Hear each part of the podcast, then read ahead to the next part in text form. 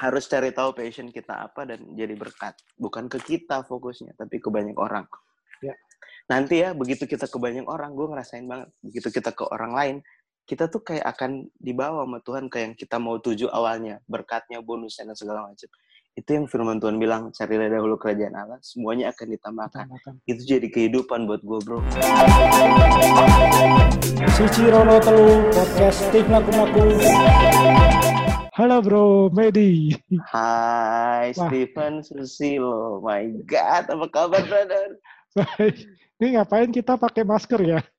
Ini kan katanya social distancing, jadi mencegah roh-roh corona, bro.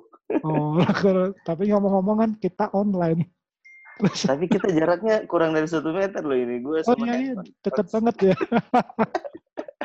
Buka aja lah ya, bro. Aduh, biar Panas ah, udah. kelihatan. Eh, buka aja, Panas. bro. Wih, gila, jenggotnya penuh Kumisan sekarang kemuliaan. bro.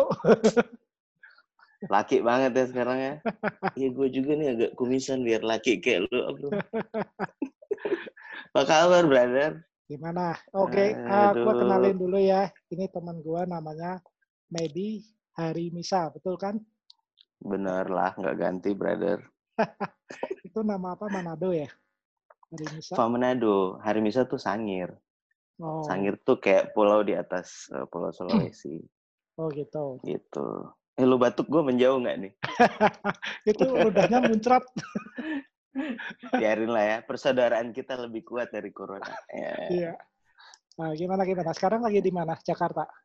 Aku lagi di Jakarta, bro. Sebenarnya ini pinggiran Jakarta ya, Bintaro. Jakarta Bintaro. coret lah. Ngapain? Kegiatan sekarang ngapain? Aku sekarang lagi social distancing, bro. Lagi WF, WFH, work from heart. Work from Aduh, kerja dari rumah, brother. Gara-gara program pemerintah juga kan, mencegah Iya. penyebaran. sangat tersiksa ya. Lagi- Waduh, brother. Lu event banyak batal nggak? Banyak. Selamat datang di Corona. Aduh, Aduh, dunia, Gua Bu. berapa? Dunia. dunia sih. Pandemik loh, brother. Gokil ini. Jadi gue karena event-event batal, pelayanan batal, training-training batal. Jadi di rumah aja gitu. Oh, Ikut pemerintah toh. Masih Gitu. pelayanan anak ya? Waduh, masih ini tahun 2020 tahun ke 16, brother. Ah, 16 tahun. Gila. 16 tahun. Sia-sia. 16 tahun loh, nggak kerasa loh. Maaf, ini bukan sponsor. Aus. Makanya sediain kayak gini dong.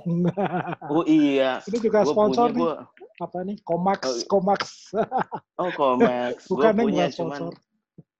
gue dulu punya. Sekarang udah ya terbawa cuaca juga kan. Lu di kantor ini asik banget. Enggak, ini di Pascal. rumah. Oh rumah, kota, kota baru. Bukan sekarang pindah Taman Kopo. Luar biasa, Tuhan berkati. Speak Amin. movie. Oh, haleluya. Gitu brother, jadi sibuk-sibuk. Ya lagi nggak sibuk aja sekarang, jadi ngerjain planning-planning dari kamar aja, dari rumah aja. Oh. Gitu. Gimana sih ceritain awal mula kok bisa terjun di pelayanan anak tuh gimana? Wow, Dua, eh, pelayanan anak pertama kali ya? Ya. Jadi 2002 itu di Manado dibikin KKR. Hmm, Nah, yang bikin tuh gereja di Bandung, Oke, eh, MDC, Fajar Pengharapan. itu berapa tahun yang lalu? Waduh, 2002 berarti Oh, 2002. 2002 18 tahun lalu, brother. Oke, Wah, gila udah tua banget ya gue. itu kalau anak bayi sekarang udah sweet 17. Sweet Seventeen, udah gue ngisinya udah opa-opa. Bikin KKR, eh, Pak Bambang Wijaya di sana yang bikin. Jadi Oh. mereka bikin tiga hari gitu. Itu gue masih kelas 2 SMA. Oh, Oke, Iya, gue inget banget tuh kelas 2 SMA.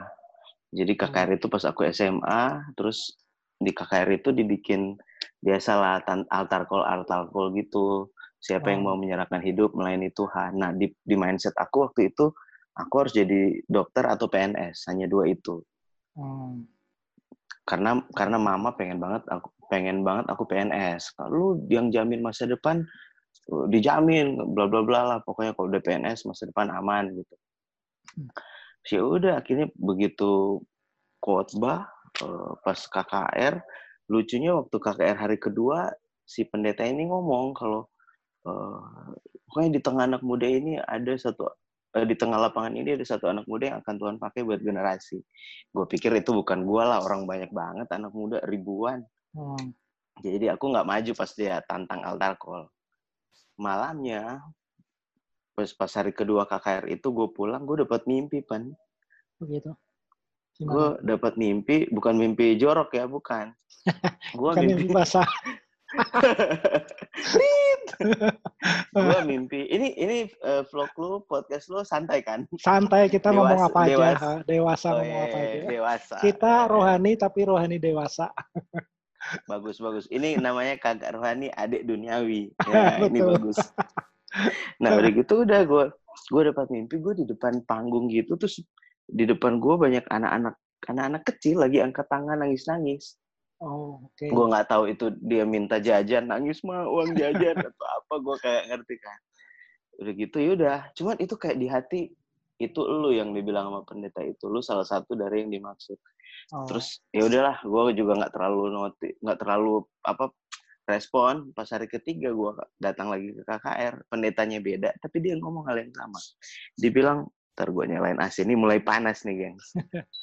di sini lagi. Dia bilang gini, iya, dia bilang gini di tengah lapangan ini ada anak muda yang kemarin harusnya maju kok dia nggak maju? Ini kesempatan terakhir. Begitu altar call dia harus maju. Itu gue nangis pen. Lagi khotbah gue udah nangis. Ya hmm. Tuhan nanti aku maju nanti aku jadi itu panggilan kuat banget di tahun 2002 awal hmm. tuh 2002 dari situ yang mulai kayak itu di hati. Begitu ah, begitu altar call itu aku lari nangis. Tuhan aku mau memberi hidup dan segala macam. Itu belum ada bayangan apa pun. Pokoknya itu kayak kick off-nya ya. kayak batu batu loncatan pertama kalinya tuh gue maju ke depan nangis nangis buat Indonesia dan padahal gue belum pernah tahu Indonesia ke mana aja dari kampung di Manado oh itu belum belum ke Bandung juga belum ya belum masih, belum masih di Manado bro oh oke okay. di, di lapangan lapangan Koni namanya di Manado dan oh. dan aku karena masih SMA belum belum tahu dunia luar jadi mindset mindset anak kampung hmm. gitu di dalam pikiran aku pokoknya Jawa tuh terbaik lah Jawa jauh banget aku nggak mungkin zaman itu pesawat belum banyak kan hmm. ya kan jadi kayak mindset zaman burak tuh burak airlines yeah, yeah. Mer merpati oh, lo masih ingat gak kita masih, masih. seangkatan seangkatan ya? kita kelihatan tua ya nggak, nggak lah setengah tua lah generasi senior ya oh, iya. kan seniornya milenial iya dong. Sudah gitu udah. Begitu aku respon itu, uh, ya dari situ awalnya sih. Kalau ditanya jadi mulai kapan dari situ. Oke. Okay. Gitu. 2002 tuh. Terus akhirnya udah dari situ, terus gimana lanjutannya? Aku aku datang ke apa namanya ke mama. Ma jadi gini. Apa mau bahas apa ini? Mama sensitif kalau soal pokoknya dalam pikiran dia aku harus PNS atau dokter. Dua itu menurut dia yang bisa pegang masa depan, mindset orang tua kan. So aku hmm. bilang, "Ma, tadi kemarin ini aku dari KKR, terus ditantang untuk e, melayani Tuhan. Nah, waktu gue maju ke depan itu pan mereka kasih brosur. Hmm. Brosur untuk isi nama brosurnya itu sekolah pelatihan penyiapan penuai. Jadi waktu gue isi itu, uh, kalau gue lolos akan ada beberapa tahap, beberapa tes, gue akan dapat uh, apa namanya beasiswa untuk ke Lembang. Jadi sekolahnya di Lembang. Oh, oh iya itu. Ya kan di Kota Wihara tuh atas uh, Bukit Doa, Bukit Doa Lembang. Nah, gitu udah aku aku aku isi isi isi begitu isi aku mau ngasih aku nanya mama dulu izin. Oh, hmm. mama marah banget kan. Ngapain mana bahasa Manado kan. Wah, udah tut tut tut tut, tut. keluar tuh bahasa rohnya mama tuh bahasa Manado. Pokoknya mama nggak mama bilang ngapain lu jadi Oh, aku dimarahin pokoknya. Cuman hmm. Itu kuat, panggilannya makin kuat. Aku doa, worship saat teduh kayak kayak Tuhan bicara di mana pun. Setiap kayak aku dengar penyembahan yang kebayang tuh mimpi yang waktu hari kedua malam itu gitu. Oh. Itu kayak kayak terngiang-ngiang terus man. Akhirnya aku memutuskan untuk walaupun awalnya mama nggak setuju, aku kasih brosur itu ke panitia. Gue kirim, gue isi datanya, gue kirim. Udah deh, kirim aja dulu gitu. Hmm. Eh berapa hari kemudian gue didatangin satu orang orang ini ternyata dia ikut juga daftar di sekolah itu jadi ternyata dari dari beberapa ratus. Jadi mereka akan pilih dari 400 orang yang maju altar call hanya 10 yang dapat beasiswa gratis dari Manado sampai Lembang. Oh. Uang jajan dikasih dan segala macam. Jadi kita tinggal bawa badan. Dari 400 itu, gue masuk kan. Setelah gue ikut tes dan segala macam lah, gue agak cepetin dikit. Teman aku ini datang, terus dia bilang gini, "Ya, ini rumah Medi ya? Oh iya, iya. Iya, Medi mau kasih tahu kalau Ngana lolos terpilih dari 400-an anak muda di Manado zaman itu gratis ke Lembang. Gue nangis kan. Gue bilang, Iya. hah serius? Iya iya serius. Kita salah satunya juga katanya teman aku ini. Jadi siapkan diri dua minggu dua minggu depan kita berangkat ke Lembang. Wadaw, Oh. gue bilang cepet banget Cepet. prosesnya. Iya. Cepet banget bro. Terus Nah. Dari situ gue mikir kalau memang Tuhan udah pilih kita nggak bisa lari. Kayak kisah ini betul. loh. Yunus Iya, lari ke Niniwe itu loh. Itu Iya. kayak versi gue lain lagi Oke. gitu. Tapi panggilannya kuat. Nah gitu udah aku ngomong ke mama. Mama nangis di situ. Cuman karena mama pelayanan juga di Manado, dia tahu sebenarnya apa itu panggilan. Tapi egonya Hmm. dia sebagai ibu, ya lo nggak bisa. Pokoknya mama pengen seperti apa yang mama mau. Kan banyak orang tua kayak gitu hari-hari. Ya, ya. Pengen seperti apa yang dia mau. Padahal anak Ya. punya kebebasan untuk memilih mau jadi apa. Setelah gue lihat semua ya big picture-nya, gue perhatiin ternyata orang tua kayak gitu wajar. Hmm. Gitu. Maaf bukan corona, tapi banyak ngomong. Tapi rata-rata Gitu, emang ya orang tua di aku pernah ke daerah timur NTT itu Hmm. pengennya pasti orang tua pengennya anaknya tuh jadi PNS saja atau enggak pendeta. kan?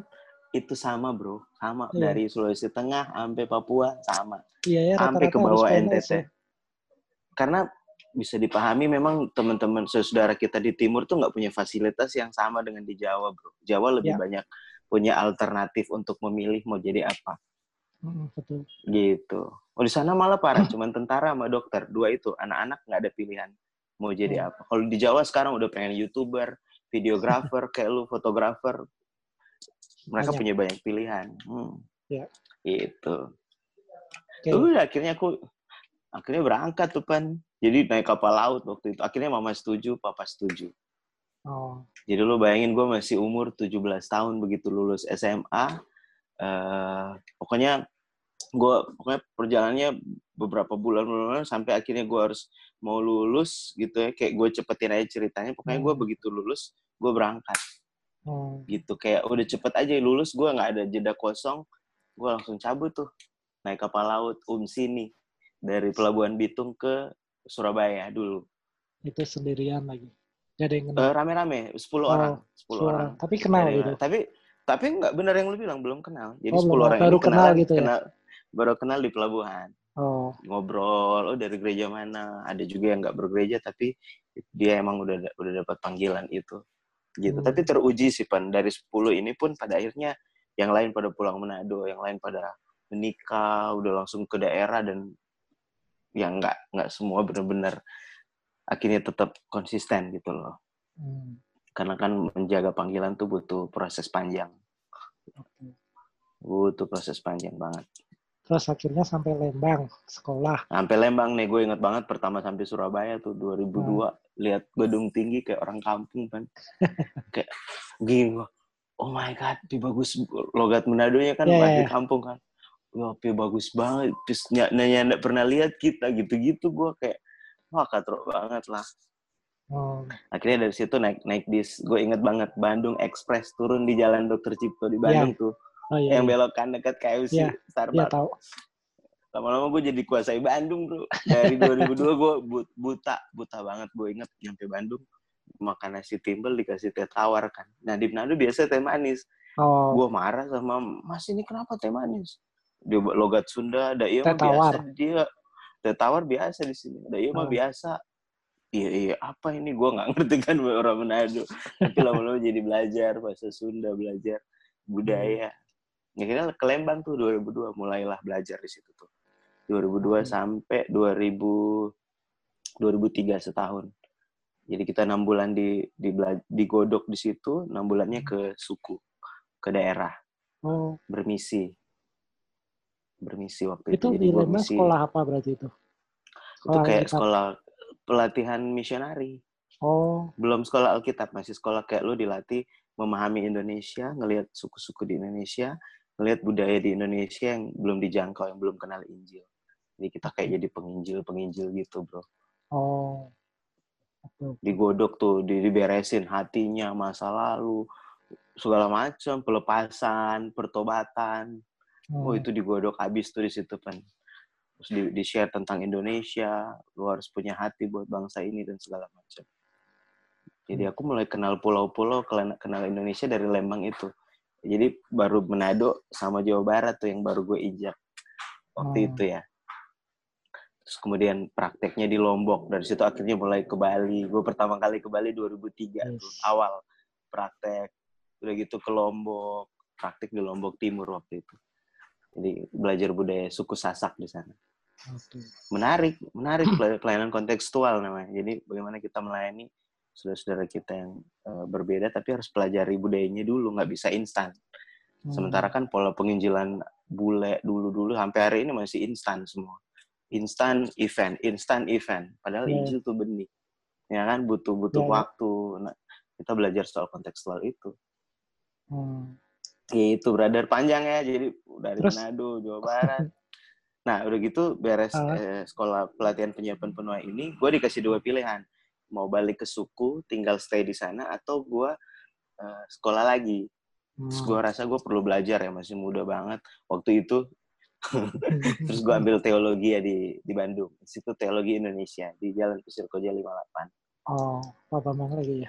Lu baru tahu juga sekarang kan gue kuliah teologi ya. Iya, iya. Kita nggak pernah ngobrol sedalam ini loh. Ini iya. banget kontennya. Kontennya bagus banget. Nah, udah gitu udah gue gue kuliah 4 tahun di situ sampai 2006. Oke. Ambil S1, S1 teologi ya, 2006 lulus. Begitu lulus, nah di situ tuh sebenarnya kalau mau jadi dari perjalanan 2002 sampai 2006 itu tuh kayak mulai Tuhan bukain kayak puzzle gitu loh. Hmm. Kayak puzzle. Nah 2003, 2003 gue pertama kali praktek di Purwakarta. Nah di situ pertama kali benar-benar yang ngumpulin anak-anak Oh, di M- MDC Purwakarta karena karena harus nilai bagus. Terus si gembalanya Pak Torang namanya. Medi, kamu kalau mau nilai bagus urus nih anak-anak. Lima anak apa enam anak kalau nggak salah itu. Empat sampai enam anak lah. Lupa lupa ingat gue. Itu gue tuh bingung banget kan.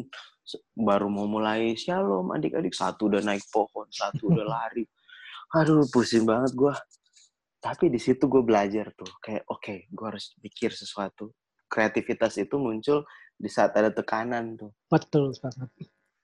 Iya nggak? dari situ benar. dari situ aku belajar tuh cari permen masih manual banget mau mau mau nggak mau harus belajar gitar Hmm. jadi tuh pertama kali belajar gitar lagu-lagu sederhana King Kong apa dari terbit matahari diajarin nama ada satu kakak kak Renault namanya dari situ aku mulai 2003 berarti ya semester awal-awal begitu Hmm. masuk kuliah 2003 awal kuliah kuliah kuliah semester 1 semester 2 lah mulai praktek situ tuh mulai mulai berhadapan dengan anak-anak selesai dari situ aku balik ke Bandung Ya. diajar lah sama Cik Reti Cik Reti ini dia koordinator anak MDC Bandung Oh, dia yang kasih kesempatan. Jadi waktu dia training dia ajak aku.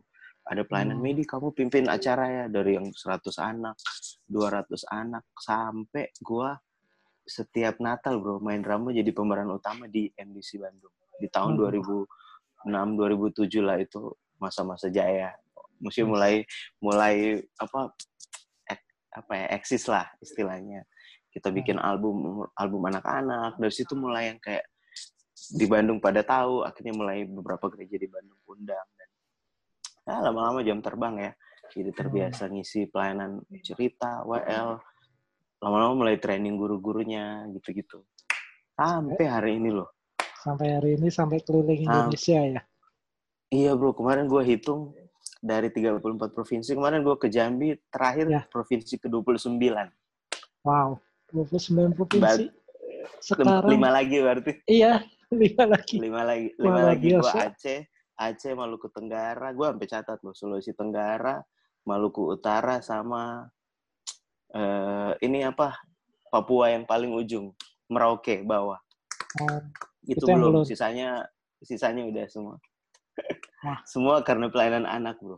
Berarti harus di gila gue gue merinding. Iya gue gue punya gue punya peta di rumah di Manado gue tempel stiker eh, tempat-tempat yang gue udah injak luar biasa. sampai ke pedalaman sampai ke pedalaman pedalaman aduh Tuhan baik banget mulai dari respon gue terhadap panggilan itu di lapangan itu waktu gue masih SMA amazing sih kalau ingat bukan karena gue bro respon penting iya. gimana kita ngerespon panggilan terus kan bicara Wah. passion juga ya Iya betul.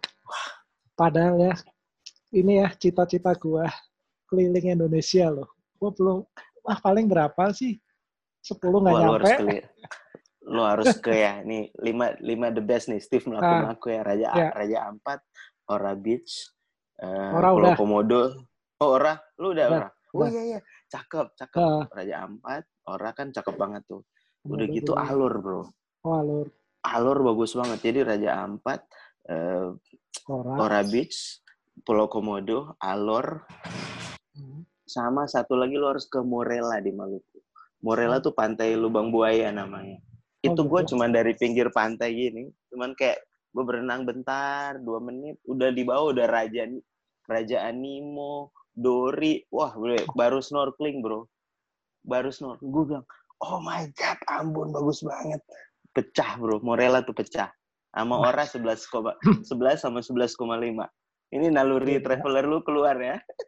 Kalau pakai kamera sambil bikin vlog, waduh luar biasa. Tuhan, apalagi kamera lu kamera lu tuh kan penuh kemuliaan bro amin.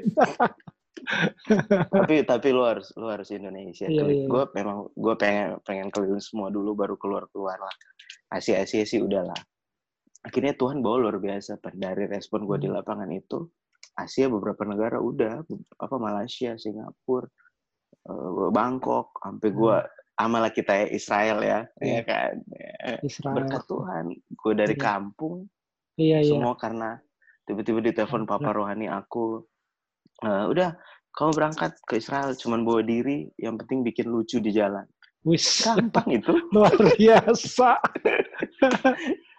Tapi andalkan juga gua bersyukur loh. Bersyukur bisa ke Israel itu nggak nggak Iya. nggak nggak nyangka banget loh. Berkat banget Kok bayangin ya ngapain waktu itu ya? Gue ngapain sih ikut ke Holy Land ke Israel ngapain ya? Tapi setelah nyampe di sana ya, wah gila. Nggak nyesel.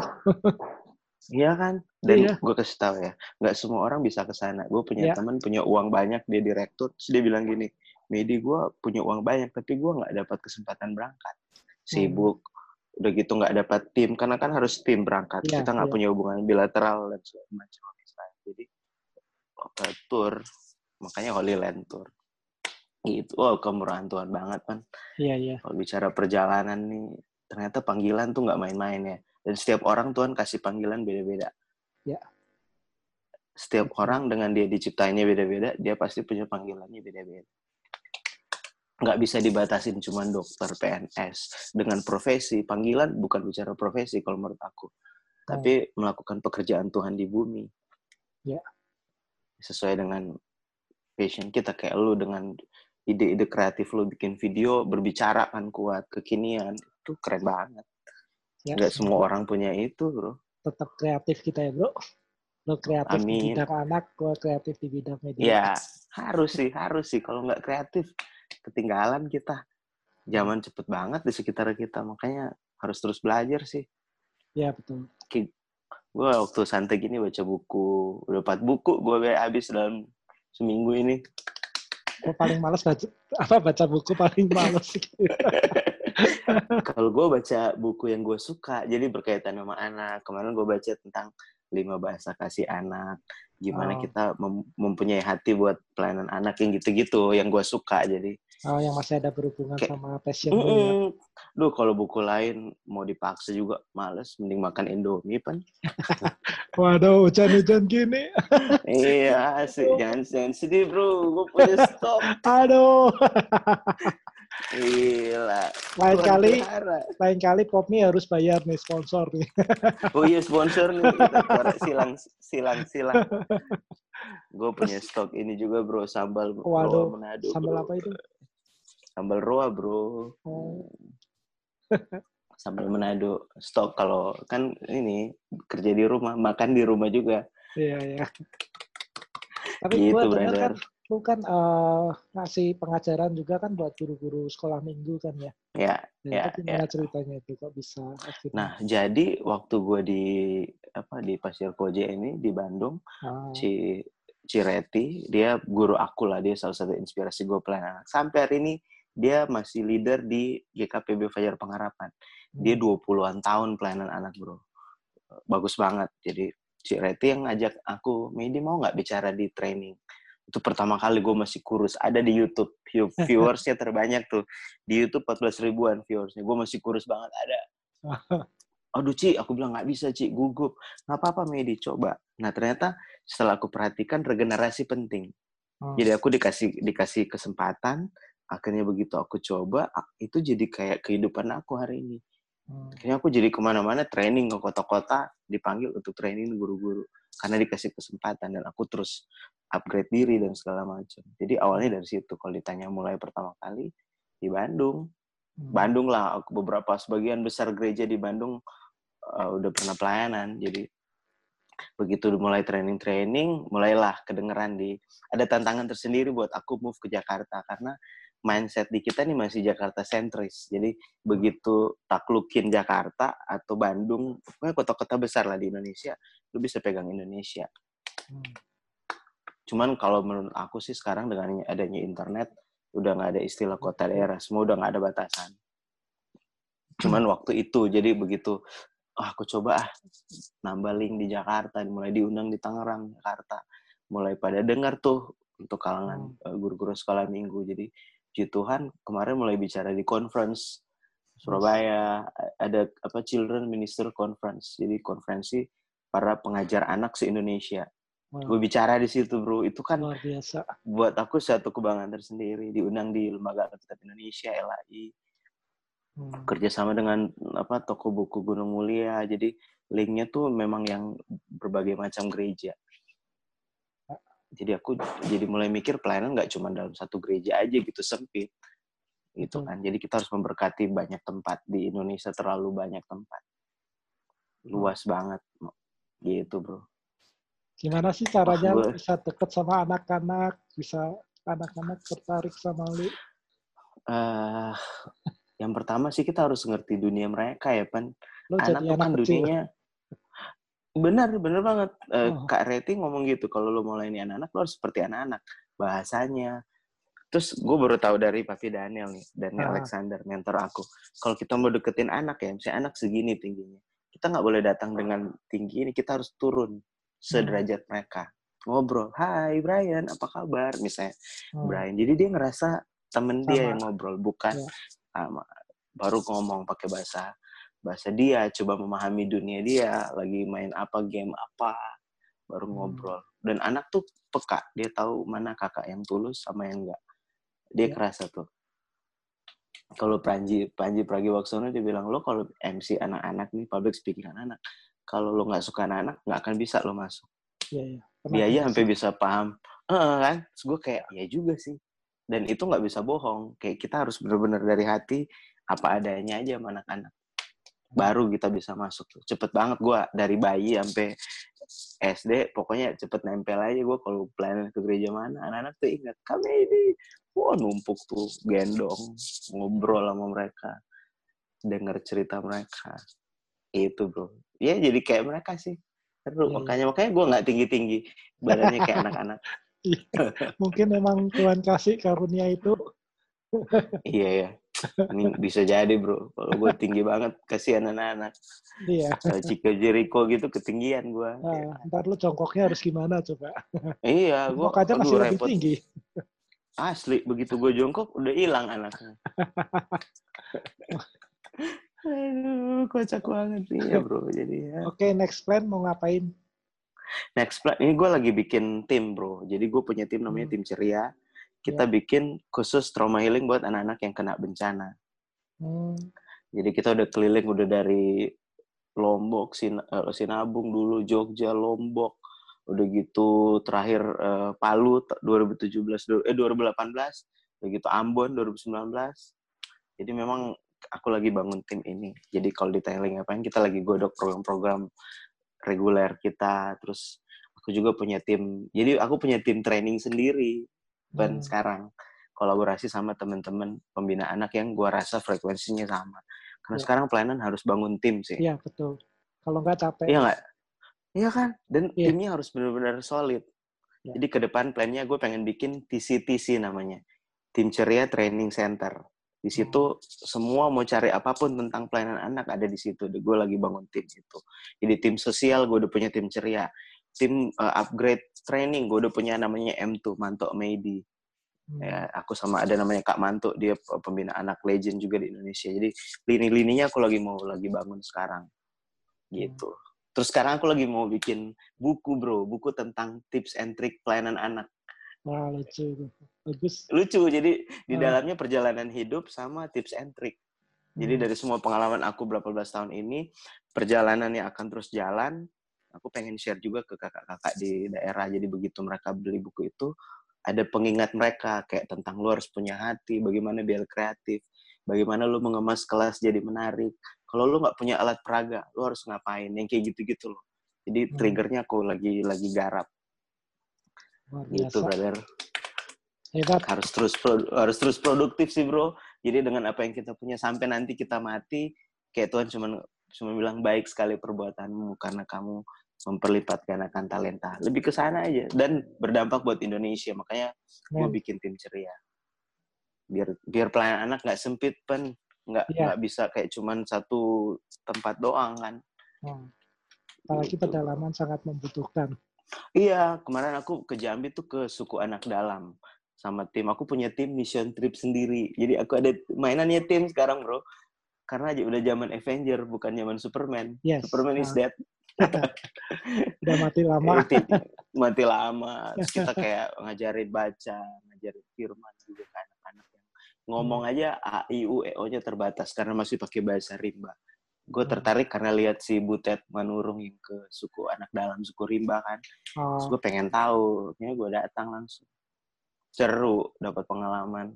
asik ya kalau. Jadi seru, waduh seru bro. Indonesia luas. Asiknya dan banyak jalan-jalannya loh. Aduh. Dan dan gue perhatiin ya pan, jalan-jalan tuh jadi kayak cuman bonus. Gue Iya, ke. Raja Ampat, habis training nih, tiba-tiba ada satu kakak punya punya turnya. Peserta Oh. training gue punya tur Raja Ampat. Kalau gue mana sanggup puluhan juta, 20 30 Iya. juta ke sana.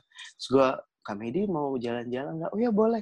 Iya saya ada tur nih Raja Ampat, mau ikut. Wah mau lah kak, berangkat gue kan.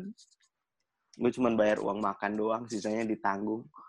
Dibikin udah kayak raja aja, Kamedi ini kalau butuh apa-apa. Cuman kan kita melayani bukan karena bonusnya gitu. iya. Salah. Hmm. Itu Hmm. cuman bonus, fasilitas tuh cuman bonus. Kita harus fokus ke sumbernya. Sampai hari ini kayak Papi dan Papi Daniel Alexander dia kayak mau pelayanan pun dia nggak pernah matok kan. Hmm. Nggak pernah matok pelayanan. Jadi pelayanan kita nggak bisa taruh nilai uang di situ. Karena Tuhan kasih kita cuma-cuma kok give ini. Jadi kita harus baginya pun sharing itu berbagi. Kalau mereka mau berbagi berkat puji Tuhan. Kita hidup dari situ. Tapi kalau enggak ya udah jangan jadi patokan gitu. Kecuali gua nge-MC gua patok profesional. Gitu. Luar biasa. Menarik ya, menarik ya bro. Banyak Ya, quotes, sangat quotes-quotes. memberkati. Sangat Ya, menggugah hati anak- gua. Iya nggak bro, jadi kita Ya. semoga teman-teman yang nonton ma- harus makin tahu panggilan buat apa hidup di dunia. Amin. Makanya begitu ada corona gini harusnya nggak jadi buat kita makin takut. Ya, Ya udah, kalau emang udah waktunya Tuhan, kita tahu kita mau ngapain di dunia ini. Ya. Iya kan? Itu Ya. lebih penting. betul. Itu lebih penting. Pekerjaan terbaik di dunia adalah pekerjaan Tuhan yang dipercayakan sama kita. Itu udah. Quotes tuh bro. Aduh Tuhan, Tuhan baik Pasti yang nonton Benar. video ini sangat terberkati. banget. Hmm. Oke. harus cari tahu passion kita apa dan jadi berkat. Bukan ke kita fokusnya, tapi ke banyak orang. Ya. Nanti ya, begitu kita ke banyak orang, gue ngerasain banget. Begitu kita ke orang lain, kita tuh kayak akan dibawa sama Tuhan ke yang kita mau tuju awalnya. Berkatnya, bonusnya, dan segala macam. Itu yang firman Tuhan bilang, carilah dahulu kerajaan Allah, semuanya akan ditambahkan. Tambahkan. Itu jadi kehidupan buat gue, bro. Ya. Gue keluarga di mana-mana, mau jalan-jalan ke mana, gue tinggal hubungin di Surabaya, di Papua, Ambon, sampai Medan. Ah, udah deh. Aceh nih, gue pengen pengen ke Aceh.